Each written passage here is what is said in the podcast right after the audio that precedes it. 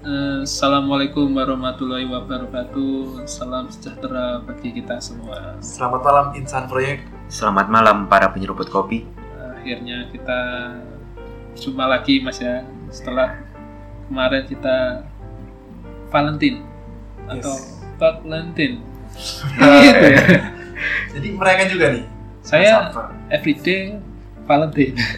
Oh Jadi iya. romantis tuh gak harus Nggak- nunggu setahun sekali. Iya. Merayakan kasih sayang itu seharusnya setiap hari ya. Tapi cuma- masalahnya dikasih ada nggak? ya? Nah, biasanya yang ngomong itu tuh alasan karena nggak bisa nggak ada pasangannya di Valentine. Dan kan kalau orang-orang di proyek itu nggak bisa menikmati Valentine. Mungkin karena ini kesibukan project. Waktu Iya. nggak ada. Karena Valentine pun proyek tetap jalan, tetap ngecor. Iya. Walaupun kemarin Valentine hari Minggu 14 Februari itu sama aja dibilang kan masih tetap jalan terus. Tetap dikejar produksi juga sih. Hari apa sih itu Valentine? Sabtu? 14 Februari Minggu, Minggu. Oh. pas hari Minggu. Iya, iya. Oke, nah kalau kita ngomongin cinta-cintaan dulu tuh kayak terlalu ikatan cinta banget ya. Nonton juga pak. Nonton, saya penggemar ada Beren. ya udah episode berapa malam ini? Nah, mau ngomongin apa ini mas? Kita mungkin sekarang ngomongin software dulu. Software. Software apa nih mas? Software edit video kah atau? Karena kita basicnya di konstruksi, mungkin kita ngomongin software yang berhubungan dengan uh, pemodelan mungkin bisa atau dengan struktural yang membantu kita lah dalam mengerjakan suatu project gitu. Software. Tapi software sendiri sebenarnya ngerti gak sih mas apa sebenarnya? Nah, Apa? Apa? coba? Nah, apa itu? Software siapa sih yang nyiptain software gitu? Oh, kenapa kenapa kita nggak bisa pakai software? Hmm. Pertanyaan good question. software itu sebenarnya diciptakan untuk mempermudah pekerjaan kita, sebenarnya gitu. termasuk eh, mungkin bagi teman-teman yang di teknik mesin itu juga filosofi filosofinya mirip. Mesin diciptakan untuk mempermudah pekerjaan manusia. Coba zaman kita ini masih kayak zaman Firaun. Ngangkat batu seperti pos kita itu ngangkat batu mindahin batu. Tidak menggunakan mesin ya mungkin seperti itu. Sama kan udah ada uh, excavator misalnya, ya bulldozer buat meratakan tanah. kehidupan kita tidak jauh dari mesin nah kalau software mirip ya tapi lebih ke elektronika atau apalah Itu mungkin yang di dalamnya mesin tuh. Jadi yang berfungsi untuk Wah, menjalankan mesin-mesin, memprogramkan. memprogramkan mesin-mesin. Oke. Nah, jadi bisa didasarin bahwa software ini mempermudah pekerjaan kita. Bukan mempersulit ya. Seharusnya. Harusnya. Kalau mempersulit ngapain kita mempelajarinya atau menggunakannya? nah, software yang tepat nih mas. Kan ada pertanyaan kemarin minggu kemarin eh, yang di, Di kopi, Kam- Kamis Ngopi itu. Kamis itu. Ngopi Kamis. Ngobrol tipis hari Kamis. Oke. Nanyain aplikasi Software-software apa software-software yang harus dikuasai oleh lulusan teknik sipil ya? Ya, Kalau tidak salah. banyak sih setahu gue mas. banyak. Tapi memang kalau ngomongin software itu kan itu tak kembali tadi ya. Hmm. Itu kan tujuannya mempermudah pekerjaan kita. Itu bahkan eh, kalau ngomongin software penggambaran aja itu kalau tidak salah tahun 89 itu masih menggunakan manual. Hmm, betul. Si cetak biru terus kita gambar itu di kertas gede itu Iya. yang kertas tembus pandang kan bisa di komposit ya kan Kalkir. gambar arsitek sama struktural itu bisa dikompositkan jadi perkembangan software aja termasuknya baru di era 2000-an ini 2000 mulai berkembang software untuk penggambaran Itu di gambar ya, drawing ya. untuk penggambaran Menghitung. nah kalau menghitung itu mungkin umum nggak harus di proyek cuma untuk perhitungan misalnya biaya itu bisa pakai Excel yang bisa kita sering pakai Excel itu sejuta umat ya. Ya. Berjuta-juta umat. Kalau. Microsoft Project kayaknya itu software wajib yang dikuasai sekarang nih, bukan cuma buat teknik sipil. Semua Semua. kalangan lah. Iya. Ya industri manufacturing itu juga pakainya Microsoft Project untuk pembuatan schedule emang sebelumnya juga pakai manual pakai kan bisa sebenarnya kita bikin schedule manual cuma susahnya ketika ada update-update tertentu gitu. Iya. jadi ketika udah diupdate harus menggeser semua kurvanya wah itu mulai ribet ketika tidak ada bantuan dari software.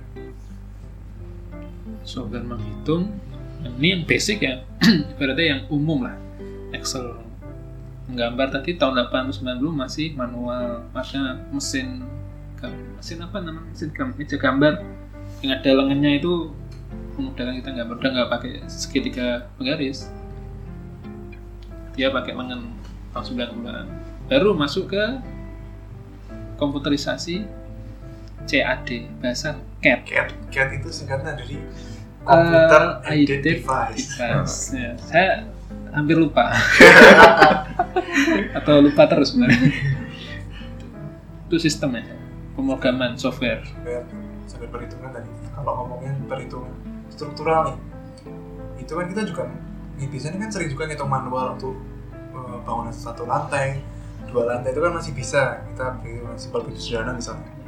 Perhitungan fondasi. Tapi kalau udah high rise building yang udah. Banyak kerumitan banyak sangat rumit terus rumusnya juga banyak. Nah itu kita perlu bantuan software. Iya itu bayangkan saja nih bagi yang masih kuliah atau yang baru-baru lulus nih mungkin masih ingat pelajaran analisis metode matriks atau analisis Hmm. dinamis itu. Hmm, kalau diterapkan di bangunan yang berlantai-lantai. Yang kompleks lah. Kompleks. Itu kan akan memakan waktu dan pusing lah ya. iya dan sama tingkat ketelitiannya juga kurang. Jadi ini kita udah udah berjam-jam nata matriks jadi nggak fokus terus salah berapa angka ya. imbasnya ke belakang bakal berat dan berisiko jangankan eh, sibuk mas input data dari asetnya atau apa pun itu ya. Mengingat rumusnya aja kita lupa. Ya kan Eh, itu padahal vital sebenarnya. Masukin input-input data pembebanan segala macam tapi rumusnya lupa ya. Kita dibantu dengan software itulah. Itulah. Aplikasi software nah terus? Jadi software yang setidaknya kita harus kuasai apa mas? Kalau tadi oke kita ngomongin dari gambar ya urut ya? Urut, Soal gambar tadi pakainya AutoCAD. AutoCAD. Ini ada- juga sebenarnya udah umum ya orang semua tahu lah. Kalau orang teknik ya iya. AutoCAD itu tahu lah itu buat gambar. Karena kalau ngomongin masa datangnya kan sekitar tahun 2000 awal itu. Ya kan kalau sampai sekarang udah hampir 20 tahun. Jadi artinya itu sudah bukan barang langka lagi lah bukan barang mewah. Nah apalagi tuh mas selain AutoCAD kalau untuk penggambaran? desain itu setahu saya yang paling mudah SketchUp menurut saya yang paling mudah. Mungkin ada yang oh, SketchUp kok mudah sih? Sulit loh. Nggak tahu ya. Aku tahu ku SketchUp itu mudah di karena toolbarnya dikit. Bahkan anak SMP pun bisa mengoperasikan SketchUp walaupun deliver ilmunya tidak ada artinya eh, mudah dipelajari Sudah dipelajari. untuk mendesain Kalau dibandingkan dengan AutoCAD mas, kira-kira mudah mana tuh kalau untuk dipelajari? gimana ya kalau kalau itu sih relatif saya dulu terlahir terakhir Terakhir Ah, sudah oke. bisa. mengenal AutoCAD dulu gitu. Ketika SketchUp tahun berapa itu saya mengenal SketchUp tahun 2000, 2002, nah 2002. Suka gitu. Kok bikin 3D enak banget, gitu. gambar 3 dimensi enak banget gitu. Sedangkan aku dulu pakai AutoCAD itu harus ketik extrude, harus jadi 2D, terus ditampilkan agak ribet gitu. agak ribet kalau membuat modeling gitu. Modeling 3 dimensi. Oh, Mungkin ya sering lihat kalau untuk penggambaran di proyek-proyek itu bukan sketsa pakainya AutoCAD. AutoCAD ya. untuk penggambaran soft drawing yang dipakai buat di lapangan pelaksana itu pakainya kan AutoCAD.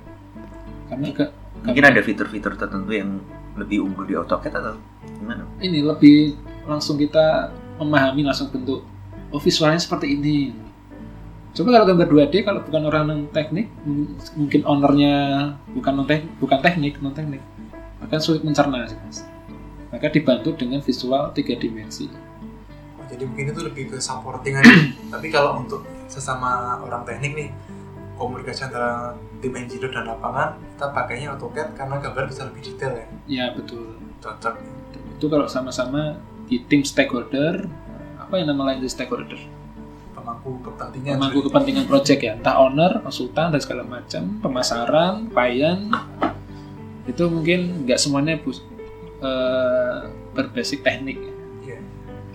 Jadi ketika disodorin gambar seperti ini nanti desainnya dia nangkepnya mungkin imajinasinya lain gitu kan sehingga jadi salah persepsi ke Oh, antar iya pihak sebelum imajinasinya ke mana-mana mana ya. gitu Jadi ada penghubung berupa modeling. Modeling. Tapi ini terpisah ya tadi antara model sendiri dan gambar sendiri. betul bisa itu di software desain ya yang umum yang basic lah untuk para engineer-engineer muda Yes. Masa lulus kuliah nggak tahu AutoCAD itu apa? Iya. wagu itu. Wagu itu apa basic Eh, aneh lah. Itu. Ada yang kurang gitu. ada yang kurang. Ya gitu. Minimal untuk teknik sipil AutoCAD dua, AutoCAD itu dua dimensi itu harus bisa lah ya. bukan sipil. Tapi kalau arsitek ya Harus. itu udah newbie banget itu. Harus dia harus lebih selain itu harus di Advance. advance itu. Berarti kalau yang jenis bulan teknik sipil nggak harus bisa secara advance itu belajar AutoCAD itu gimana? bisa sebenarnya mas Apakah harus advance atau cukup dengan bisa penggambaran secara umum? gitu? Eh, menurutku kalau selama masih ada kesempatan untuk belajar ya kita harus mengadvancekan diri kita Yo, iya. Jadi skill kita tidak bergantung pada satu itu toh. Itu kalau anda ya. Kalau anda itu ada seribu hanya skillnya itu aja. Kalah saing kita. Mungkin lebih ke arah ke depannya mau karirnya di bidang apa kali mas software itu. itu. Tapi menguasai software itu juga menjadi nilai plus ya ya. betul mas. Nilai plus. dari sekian pelamar semuanya eh, cuman bisa AutoCAD doang. Tapi anda bisa AutoCAD plus ini plus ini Plus plus ya. plus plus Wah langsung diterima itu. setidaknya peluang kita lebih Lebih baik besar. besar nah kemudian kalau untuk software ke analisis atau ke quantity Quantity dulu deh, mas. Quantity Quantity, itu kita ya nggak munafik sih walaupun kita sering dari SD, SMP, SMA itu kita belajar matematika manual. Tapi kalau udah ngomongin dunia kerja itu pakainya Excel terus. so Hmm. Jadi eh, Excel tuh sering dipakai misalnya untuk rekapitulasi biaya atau kita pas merancang RAB, RAPK, RAPT, ya rancangan anggaran proyek eh, dari awal sampai selesai sampai laporan, nah itu kita pakainya full Excel di situ. Tapi yang perlu diingat tuh ya harus bisa sedikit advance ya nggak cuma sam sam sam doang. Auto sum atau sam. Plus minus sama dengan. Ya, harus bisa misalnya sum if atau Oh, index. iya, iya. tahu formula. Atau formula Betul. saya juga tahunya cuma sum aja. Sum. Samsul Eh, Bener kalau Excel itu banyak formula mas ya? Banyak dan sangat memudahkan ketika kita eh, menguli angka Ya, pasti pasti. Nah saya juga kayaknya pernah lihat nih kalau di proyek Ex- Excel dipakai untuk penjadwalan ya. Bisa juga itu. bisa juga tapi jadi kurang efektif sih. Kalau perancangan awal bisa untuk sebagai kurva S misalnya.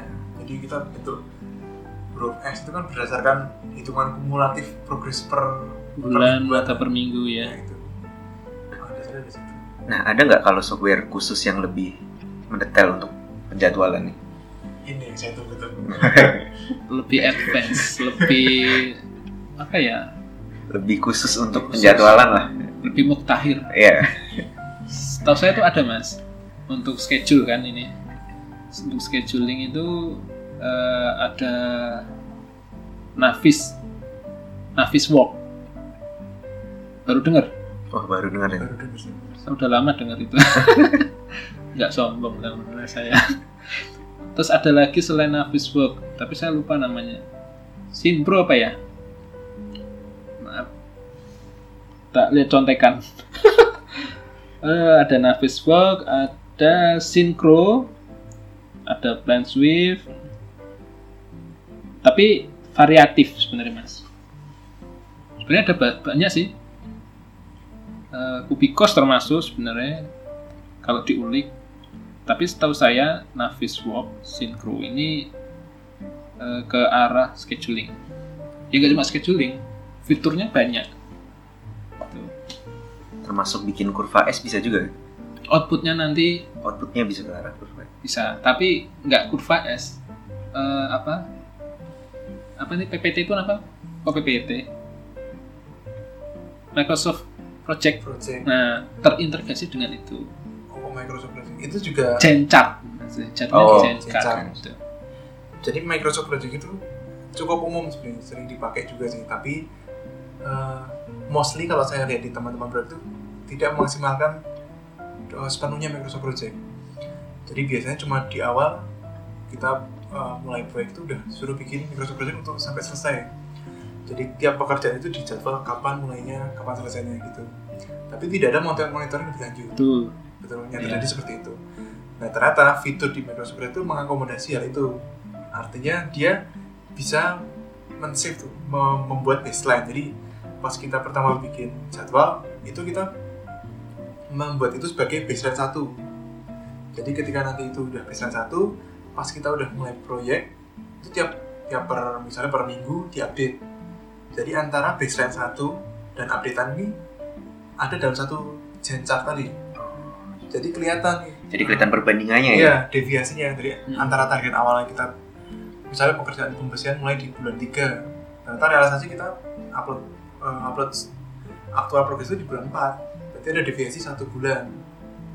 Nah, itu itu yang jadi nanti akan jadi bahan evaluasi untuk ke depannya. Apakah kita mau mempercepat produksi atau mau mengganti metode supaya lebih cepat? Itu Itu sih. Nah, fitur itu yang ada di Microsoft Project. Microsoft Tapi Project. emang mostly saya lihat sih belum dimaksimalkan oleh teman-teman proyek.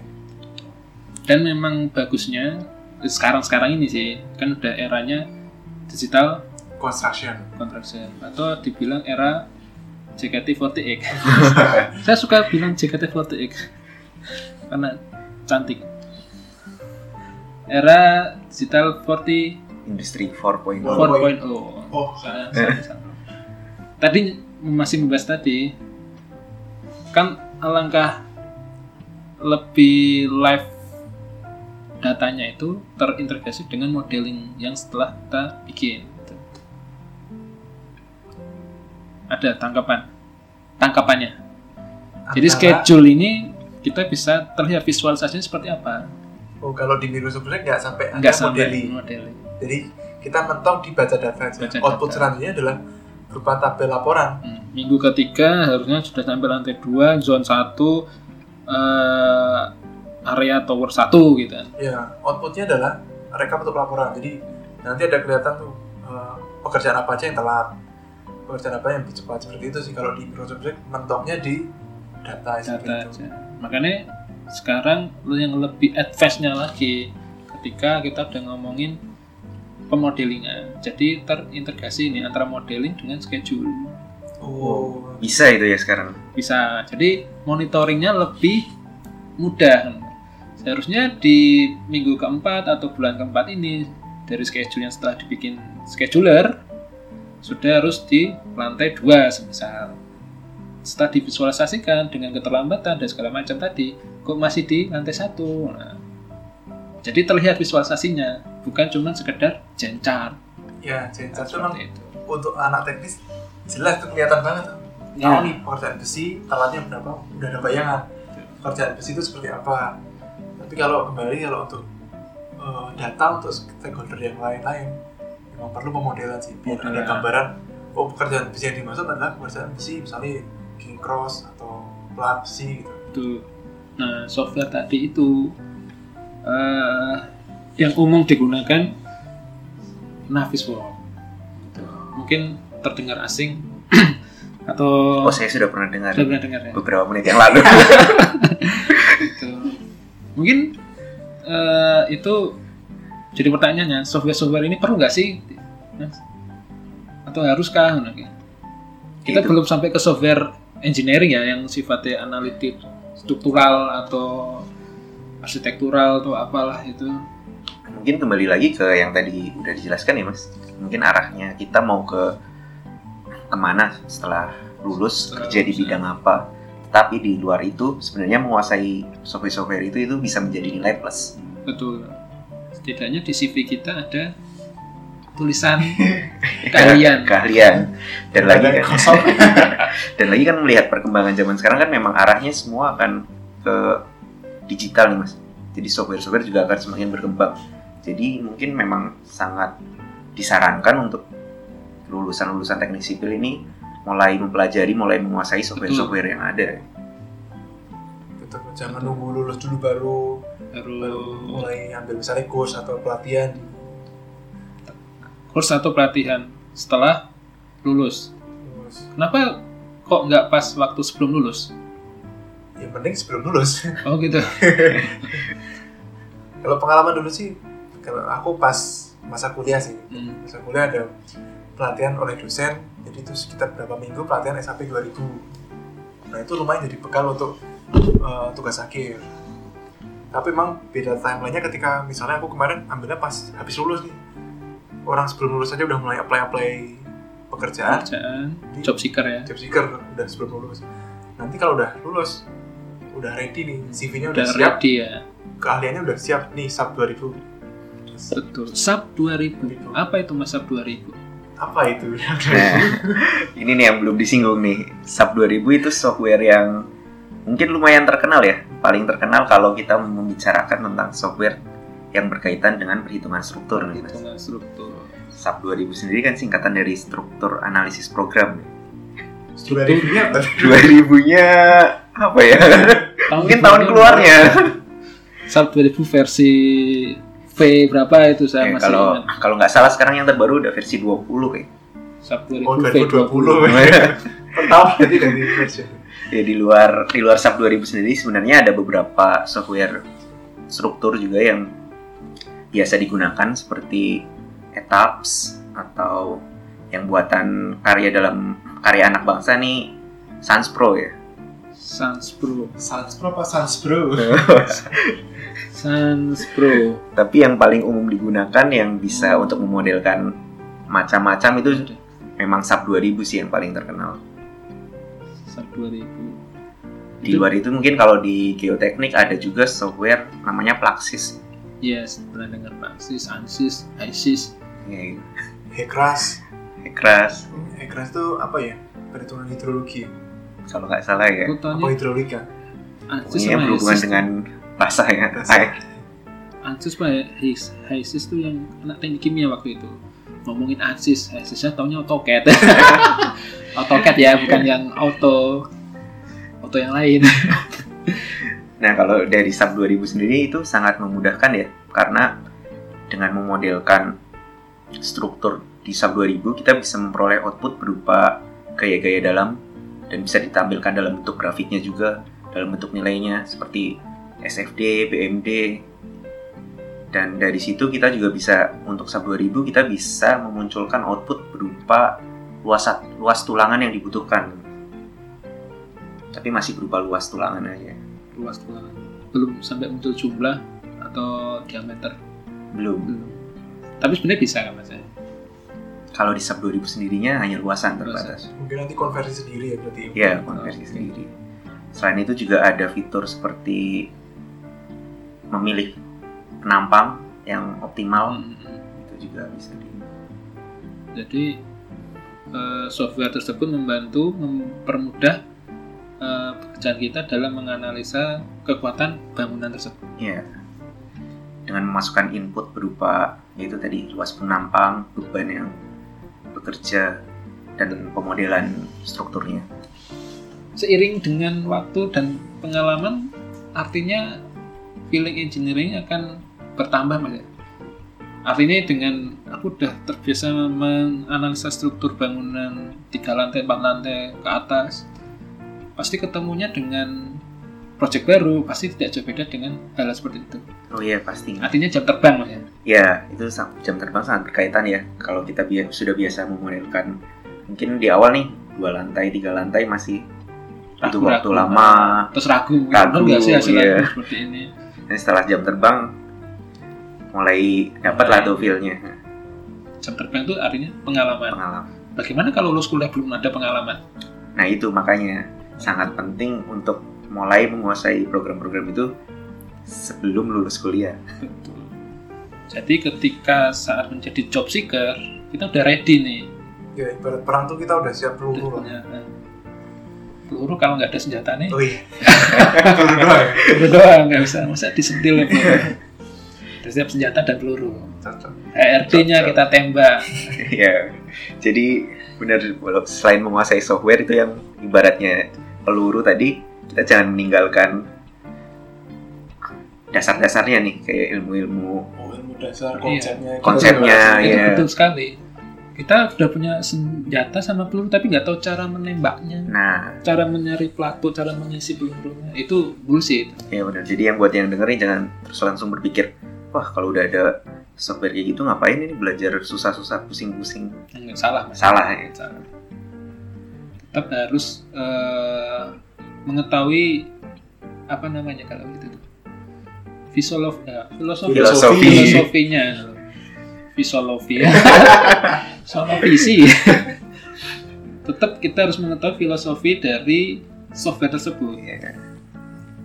Teringat kemarin beberapa hari yang lalu saya pelatihan software mas. Eh, tak sebut ya softwarenya, Monggo. Kubicos. Apakah itu? Kubicos ini secara garis besarnya eh, memudahkan kita dalam mengkuantiti. Outputnya adalah quantity, jumlah, volume, outputnya. Gitu. Tadi aku ngomong apa? Oh iya benar. Filosofi. Gitu. Kalau aku tidak memahami filosofi dari softwarenya, itu ada feeling saya sebenarnya feeling engine saya agak ragu benar nggak sih saya menginput ini nanti hasil- hasilnya ini gitu. salah satu yang harus aku kuasai adalah filosofi memang kalau orang QS namanya mas ya yang dikuasai ya. Yang dikuasai adalah panjang lebar tinggi jumlah banyaknya dan segala macam. Itu kan basicnya. Nah, itu memang harus filosofinya oh itu. Terus tapi kira-kira balok dengan plat seperti apa yang dimenangkan mana terhadap kolom itu kan aku harus memprogramkan softwarenya atau seperti itu. Itu yang harus tak tekani ini yang quantity ya. Persis dengan SAP berarti. Iya benar, jangan sampai kayak seperti post kita di IG beberapa hari sebelumnya nih kita modelkan kolom lantai satu lebih kecil dari kolom lantai Lantai dua. dua. ketika ditanya kok kamu bisa men- mendesain seperti itu ditanya seperti itu kita nggak bisa menjawab Tanya gitu jawabannya eh, di Di bisa. Mabuk ya. itu kalau misalnya kita pasien pasti ngomel ya dokter tuh gimana sih beneran apa bohongan sama kita akan memberikan klien itu perform yang baik dan bisa dipertanggungjawabkan apalagi mas Soal modeling tadi harusnya bisa dikerucutkan sih. Jadi kan misalnya dari virtual scheduling ada modelingnya, terus gambar juga ada versi modelingnya. betul Terus tanda struktural ada modelingnya juga. Hmm, mungkin nanti season berikutnya kayaknya, kayaknya kita udah nggak nyampe waktunya season berikutnya mungkin kita bisa mengupas satu software. Kita bicarakan gitu. Satu software yang mengakomodasi kepentingan tadi itu, scheduling, quantity. Eh, ya mungkin Gambar. seperti itu. Mungkin kita bisa ngomongin AutoCAD dulu kita atau mungkin ngomongin SAP dulu. Yang output dari SAP yang mungkin itu bisa di- lebih didetailkan lagi ya. ya. Oh jadi jadi mungkin teman-teman yang mendengarkan tertarik nih wah aku belajar SAP aja. Atau mungkin belajar Revit aja atau mungkin belajar uh, Kubicos aja atau Excel aja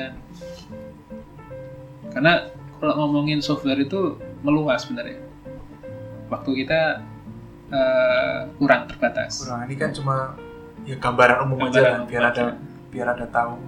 Jadi kira-kira udah ada gambaran nih, berarti kira-kira software-software ini yang harus aku kuasai dulu. Gitu. Ya, mungkin aku harus ke analisa struktur kah atau ke desain atau ke quantity aja gitu atau ke kontraktor atau ke konsultan atau ke perencana.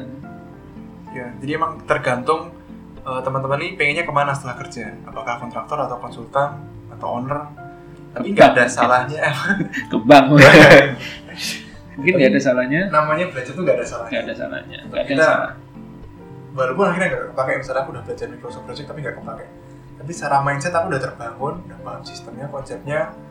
Aku juga melatih kemampuan berpikir kritis juga jadi intinya buat teman-teman nggak ada salahnya buat belajar software-software itu. Apalagi nanti kalau teman-teman misalnya sudah lulus sudah berapa tahun terus sudah jadi seorang pemimpin nih.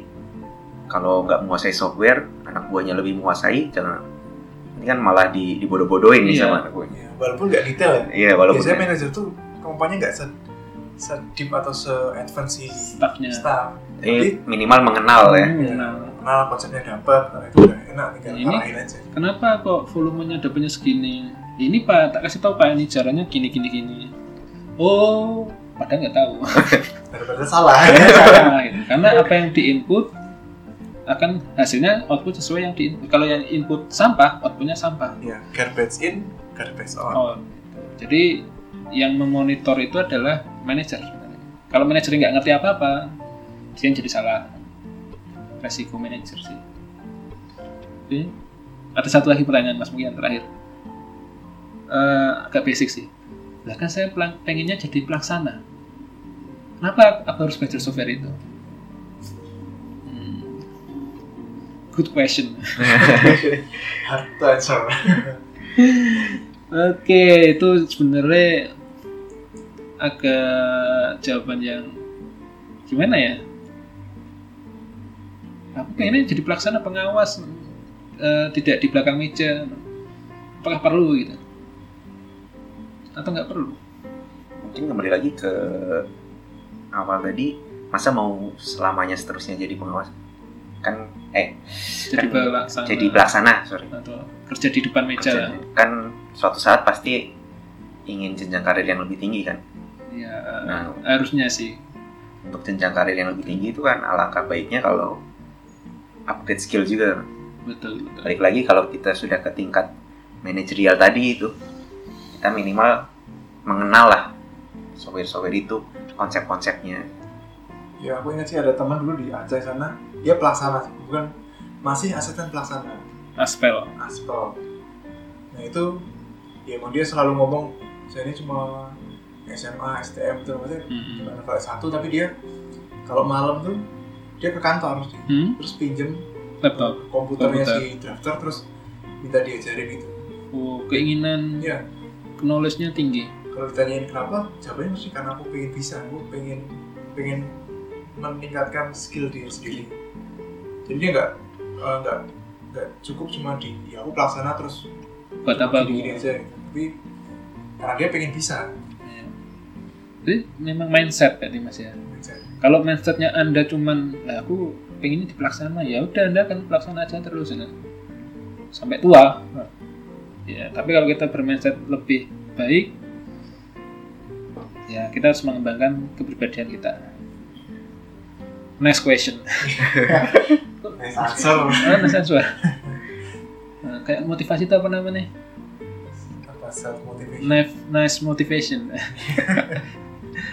Oke. Ada tambah lagi, Mas? Mungkin eh, kita cukup untuk akhiri podcast malam ini. Terus kita sifatnya sharing ya. Menggurui ya agak iya sih.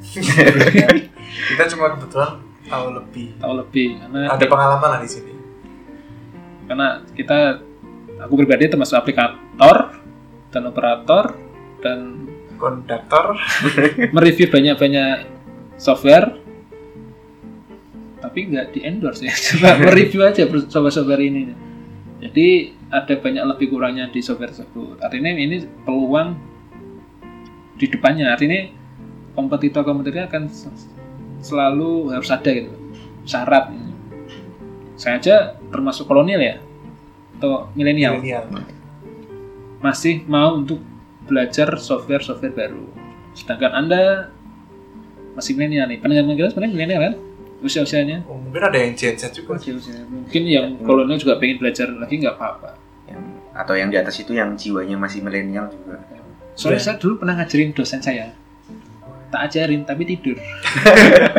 mungkin karena terlalu lama aku menjelasin cara ngajarin software itu dulu. atau Terus- mungkin dia balas dendam mas dulu masnya sering tidur waktu dia Oke, Terus eh, podcast kita ini dengerin di mana? Spotify mas ya? Di Spotify bisa, di Anchor bisa, atau nanti yang lebih jelas bisa follow IG di @coffeecivil. Di situ banyak microblogging yang bahas soal dunia proyek dan keteknik sipilan. Eh, Ada juga meme buat kita biar lebih fresh soal Betul. ngomongin teknik sipil. Ya mungkin juga tadi ada beberapa yang penasaran kita ngomongin postingan-postingan apa itu cek aja langsung di IG kita di @coffeesipil langsung di follow ada semua di situ.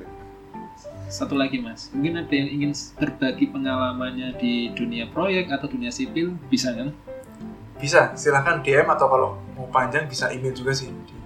Oke, nanti kita bagi emailnya. Cocok. Oke, untuk malam ini untuk itu aja eh, kita akhiri. Waalaikumsalam Assalamualaikum warahmatullahi wabarakatuh.